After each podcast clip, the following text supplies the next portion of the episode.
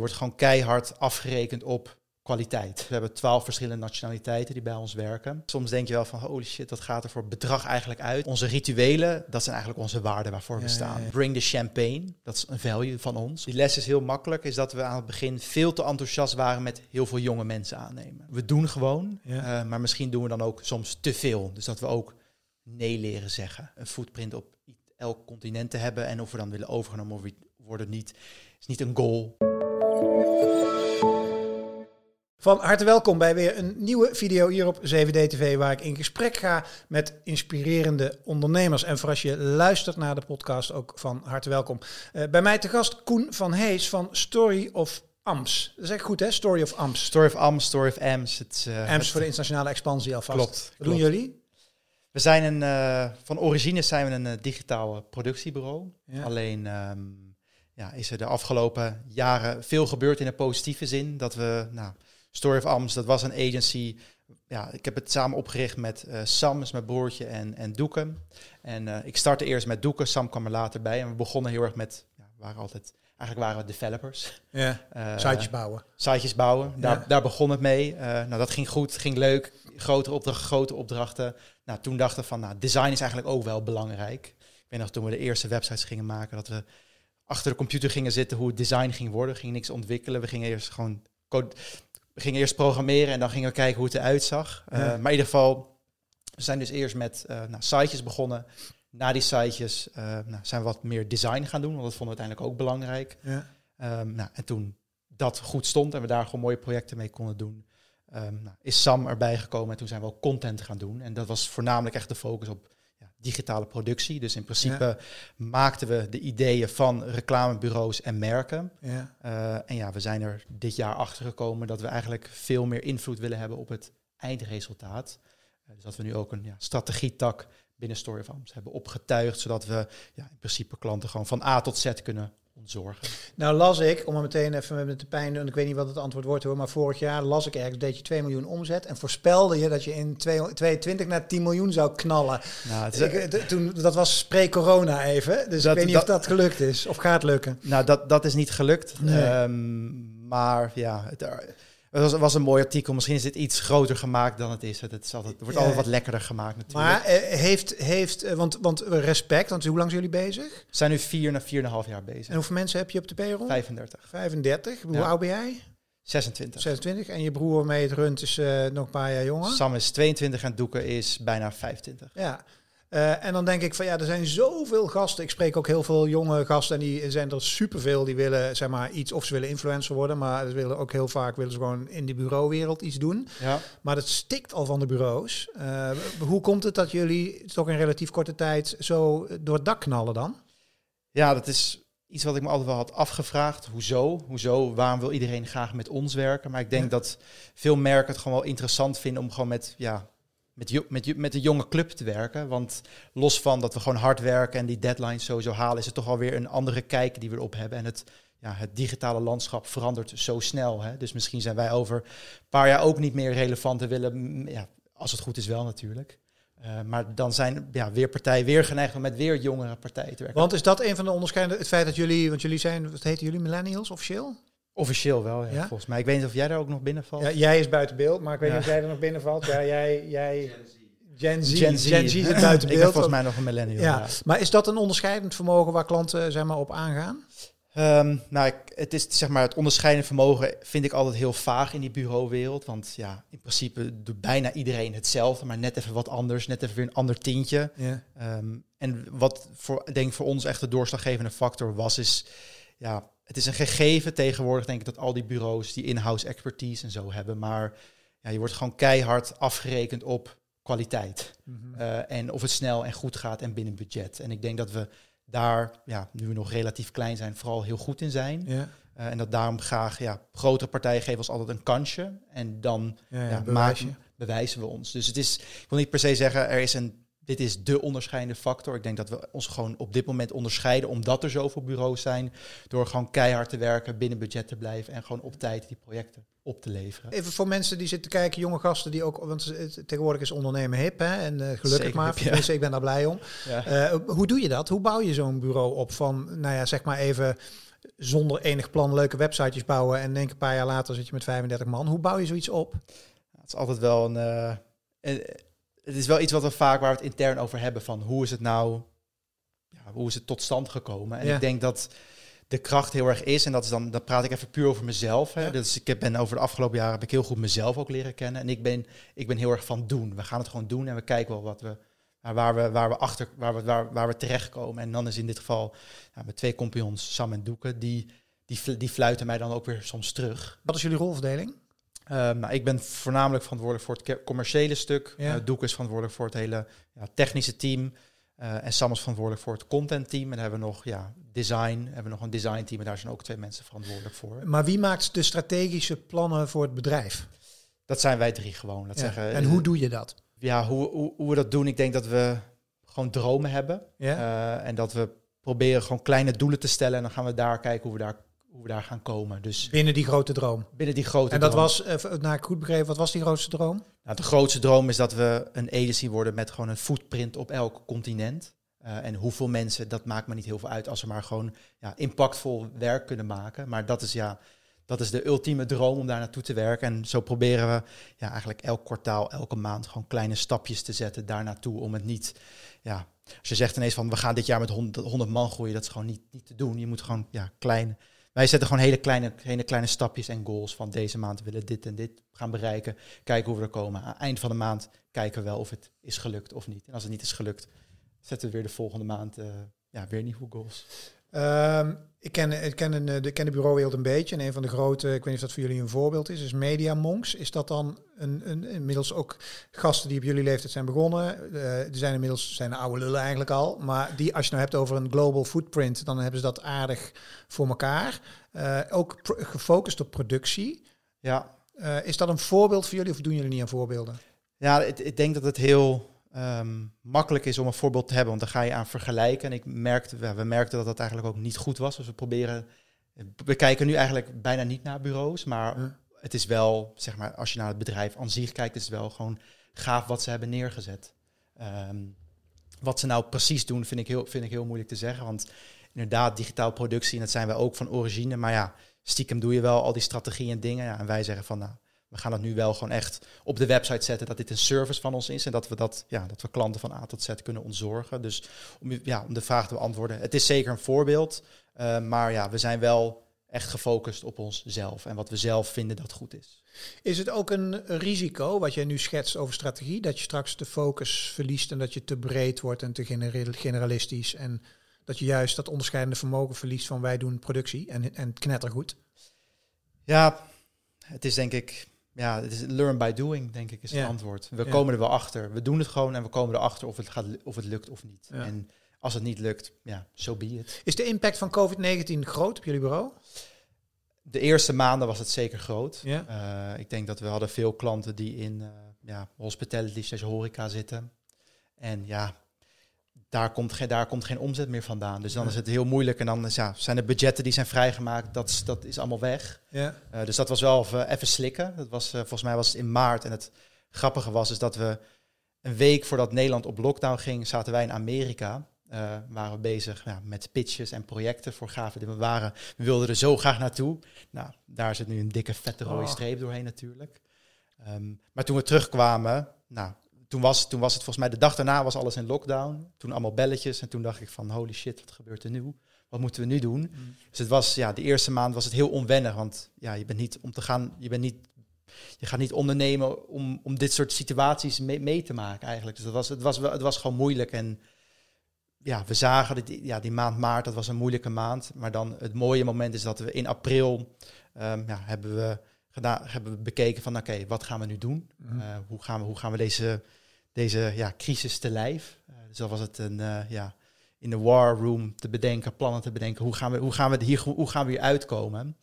Nou, long story short, toen waren we, zijn we uiteindelijk, nou, iemand die bij ons werkt, Margot, zij komt uit Nieuw-Zeeland. Nou, via haar zijn we dus in een netwerk in Nieuw-Zeeland gekomen en hebben op de grootste opdracht ooit voor ons gepitcht. En die hadden toen in april binnengehaald. Echt serieus. Geweldig. Dus dat was, ja, dat was mooi, omdat we, en dat is misschien nog een klein inhaakje op dit onderscheidende factor, is dat we Ja. ook heel erg op cultuur inspelen. Dus we hebben twaalf verschillende nationaliteiten die bij ons werken. En dan is het wel leuk dat tijdens die hele COVID-periode dat dat toch wel zijn vruchten heeft afgeworpen. Want we hebben gewoon, ja, zijn in verschillende netwerkjes gaan kijken. Nederland was echt, echt paniek. Ja. Ehm, maar Nieuw-Zeeland was iedereen wat, ja, wat coulanter en was iedereen, waren ze nog wel open om te gaan investeren. Dus dat, dat is daar toch wel dan een, een highlight. Dus maart was echt... Maar die opdrachtgever zit in Zeeland. Is ook echt een... Nee, Nieuw, Nieuw-Zeeland. Of Nieuw-Zeeland. Ja, Dus dat bedoel is ik. eh, Ja, acht, acht uur tijdsvers, eh, Ja, ja. Werkt dat? Elf uur is- tijdsverschil. dus die zie je nooit fysiek. Nog nooit fysiek gezien. Ik heb vanof- toevallig hiervoor nog even een call gehad. Dus dan spreek je 11 uur in de ochtend, dan is het daar 10 uur 's Eh, en dat, ja, dat werkt tot nu toe prima. Hey, want le- de- de- laat eens even wat, wat de revue passeren van wat is het werk, wat, hè, qua klanten, wat is het soort werk wat je doet. Maak eens concreet. Dan haal er eens wat pareltjes uit. Ja, dus ik denk dat, eh nou, twee paaltjes denk ik dat we, eh, Lucas Bols, dus daar doen we, ja, zijn we digital partner van. Dus daar doen we ja, alles omtrent website en content helpen we daarbij. Ehm, daar begonnen we heel erg met digitale productie. Dus daar, waren we, ja, dan zijn we gewoon de, de digital production partner. Dus hebben ze een nieuwe website nodig, hebben ze een nieuw eh platformpje nodig, een nieuw e-commerce platformpje. Want Bols heeft dus heel veel sublabels, dus daar doen we dan ook allemaal verschillende dingen voor. Ja. Ehm, ja, en het contentteam doet er dan ook producties voor. Dus dan maak je een website. Er zijn ook video's voor nodig of foto's en dat soort dingen. En dat doe je dan allemaal gemakkelijk in-house. Ehm, en dan is Intersport is nog zo'n klant. Ze hebben dan ook digital partner. En ja, daar doen we dan ook gewoon alle digitale producties voor. Dus het zijn, zijn zoveel verschillende projecten als je zeg maar zo'n partner bent van zo'n zo'n mega grote partij. Dus dat het, Ja. ja. dat zijn van, eh, van apps, van websites tot, ja, tot, tot e-commerce oplossingen. Dus het, is, het is heel divers. Ik denk dat we Maar heb je ook grenzen? Heb je ook dingen waarvan je zegt, dat doe je niet? Doe je bijvoorbeeld, als dan weet ik veel, hele campagnes draaien, social media dingen. eh, liggen Ja, dus voorheen waren we dus echt gewoon puur de fabriek, Ja. om het zo maar te noemen. Ja. De klant heeft een wens, wij bouwen het zo goed mogelijk, zo snel mogelijk. ja? Ehm, maar ja, we wilden dus gewoon graag wat meer invloed hebben op het eindresultaat. Eh, en daarnaast concurreer je vaak, vaak met digitale productie op prijs. Eh, dus wie is het goedkoopst en het best? Eh, en dat vonden we ook gewoon heel moeilijk. Want ja, ga je heel erg in budgetten snijden, dan kan je ook niet. Dan, dan wordt het niet meer heel goed of heel. Dus dat waren gewoon een paar knelpunten voor ons dat we dachten van nou, dat, dat willen we anders. Eh, dus we willen meer invloed hebben op het eindproduct. Dus ja, strategie stuk Ja. erbij pakken. Eh, en dat mensen ons zien gewoon ja, echt als een bureau, dus echt als een partner. Eh, en dat we dan ja, eigenlijk we willen we, de focus is meer dat we gewoon accounts hebben en we helpen de klanten gewoon met ja, de, de, de, de vraagstukken die ze hebben op digitaal gebied. En daar proberen dan oplossingen voor Het te businessmodel is uurtje factuurtje. Even heel plat het geslagen. businessmodel is uurtje factuurtje, maar ehm, ja, we hebben wel gewoon contracten met klanten. Dus we weten wel ongeveer waar we op kunnen rekenen. En het doel is wel dat we volgend jaar ja, gewoon x aantal accounts hebben eh, van grote partijen. Dat we weten dat ze een x budget per, bij ons per jaar gaan doen. Ja, Want daar loop je wel tegenaan met 35 mensen. Dat, Ja, lastig hè. Servet tafellaken hè. Je moet is- eigenlijk doorpakken nu. het, het, het is continu een beetje schakelen. Het is altijd Ja. een, beetje, een beetje goochelen van eh, dat, dat, dat, dat doen en dat, dat doen. En nu is- gaat het wel wat beter omdat je wat meer contracten hebt. Maar het doel is wel voor 2021 om ja, genoeg pitches te winnen dat we vaste accounts hebben, zodat we echt die volgende stap kunnen maken. Dus dat, En heb je al die mensen in loondienst? volgens mij zijn er 32 in loondienst en drie daarvan zijn, zijn freelance. Dat is ook een bewuste keuze. Je wil echt je eigen team opbouwen. En, eh, Ja, to- toen we begonnen eh, met, met ondernemen, werkten we met alleen maar freelancers. Ja. Dat vonden we ja, een prettige, flexibele schil. Maar we zagen wel, ja, wil je mensen aan je binden, is een contract toch best wel fijn. En dan, ja, Hoe eng is dat om, eh, om uiteindelijk zeg maar, die, om kantoor te huren, mensen aan te nemen, je vaste kosten? Dat, eh, dat, eh, ja is dat- hoe is dat gegaan? hoe, hoe meer het wordt, hoe spannender het wordt. Soms denk je wel van, holy shit, wat gaat er voor bedrag eigenlijk uit? Maar Ja. ja, je weet ook van, nou, dit bedrag, daar kan iedereen eh, zijn eten mee kopen, zijn huur betalen, zijn familie, et cetera, et cetera. Maar ik weet nog precies, een moment dat we de eerste keer een contract gingen tekenen. Volgens mij was dat, dat was ook echt twee jaar geleden, dus ook heel recent.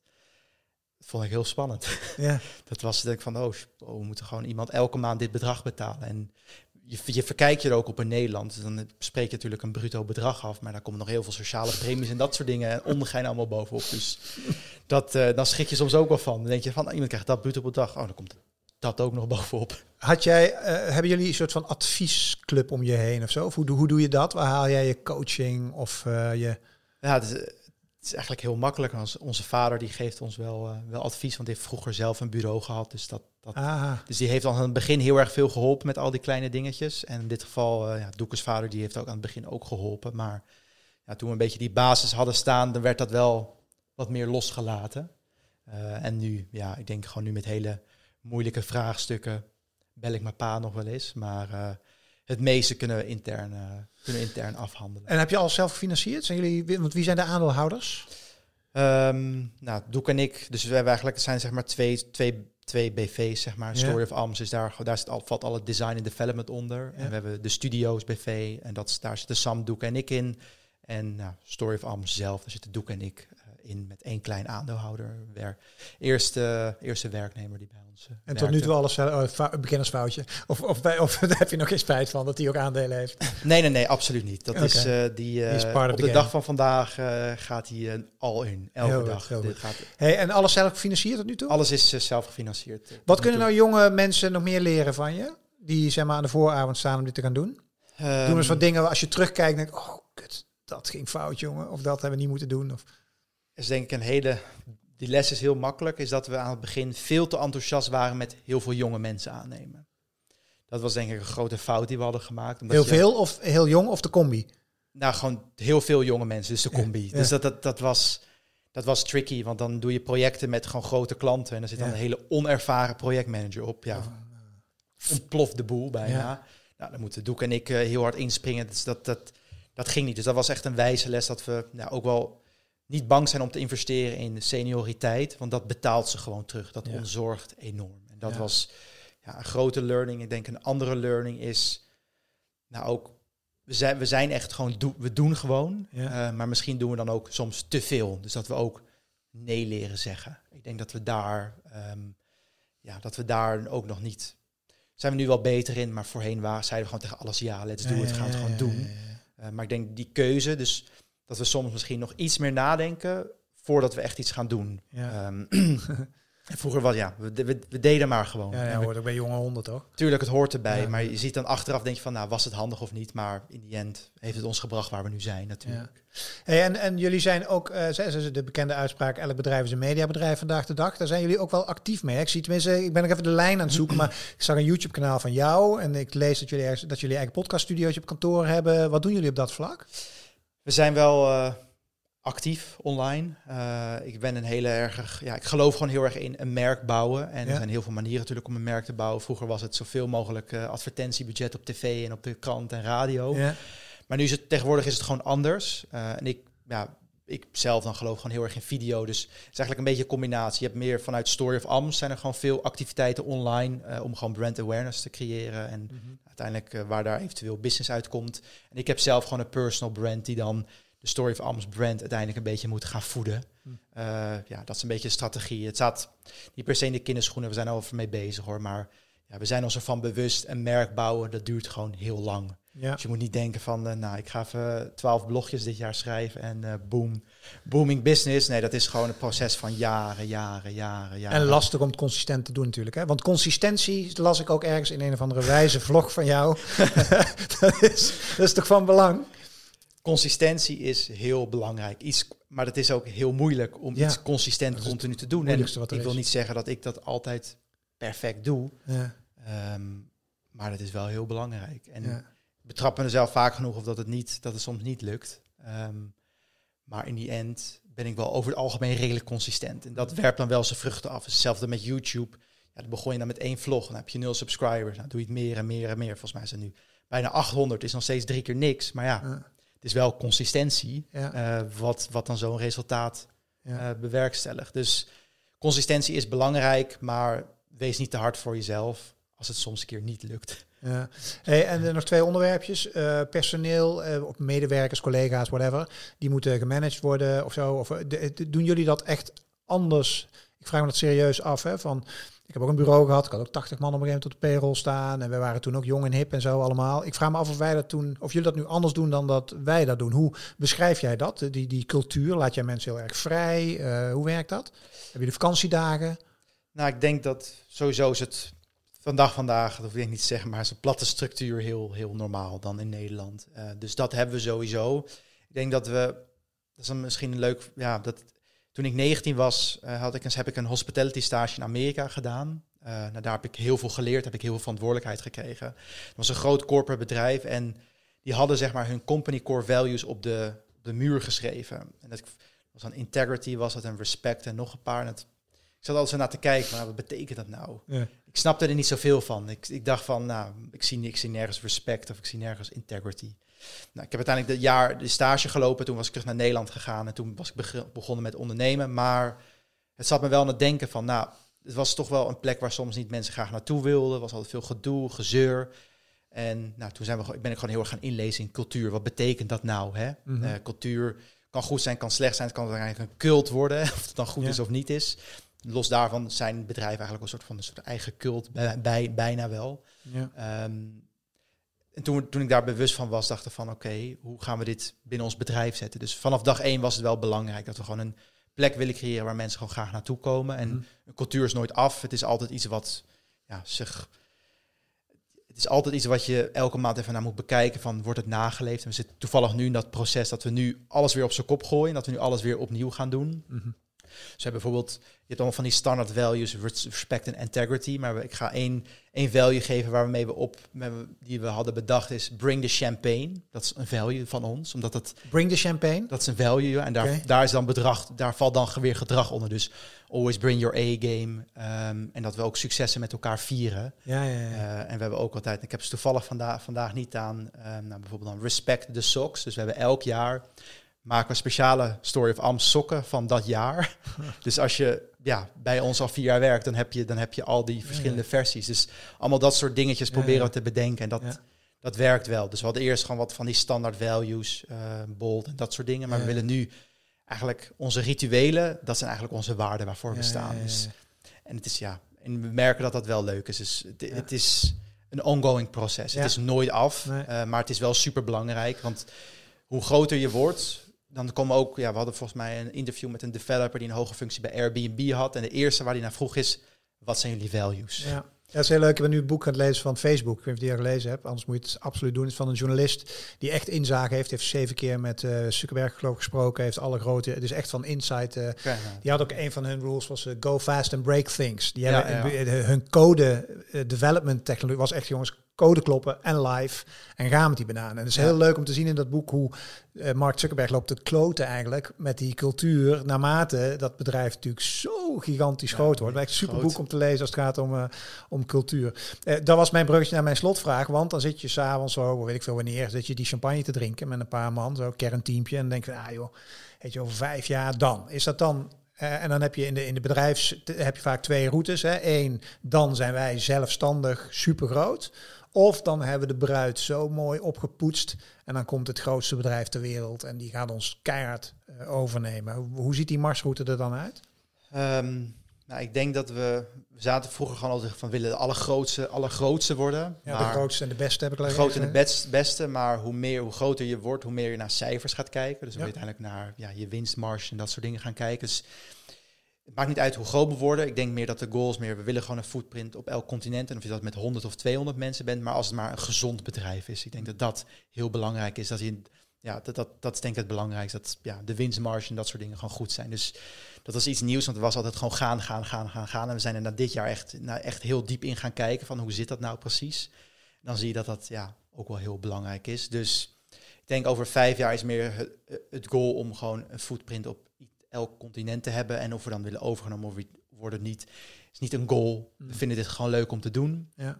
En uh, als, het, uh, als iemand aan de deur klopt, uh, dan kijken we, bekijken we dat dan wel. Maar het is, niet, het is niet een doel op zich. Het is meer, we willen gewoon een gaaf bedrijf bouwen, heel mooi werk, bouwen, heel mooi, mooi werk maken, mooie verhalen vertellen voor onze klanten. En dat gewoon goede ideeën bedenken en die ook goed uitvoeren met gewoon leuke mensen. Ik denk dat dat, dat is nummer één. En alles ja, wat, daar, wat daarbij gebeurt, dat, is, dat, dat zien we wel. Dan uh, wens ik jullie daar heel veel plezier mee uh, vooral. En dankjewel dat jij mijn gast wilt zijn. Ja, ook bedankt. En uh, dankjewel voor het kijken naar weer een, een vind ik, tof gesprek met een absoluut inspirerende ondernemer. Wil je meer zien, abonneer je dan op ons YouTube kanaal of, of op ons podcast kanaal. Dan kun je alles zien en hoef je niks meer te missen. Mijn naam is Ronnie, dankjewel voor het kijken. Hoi.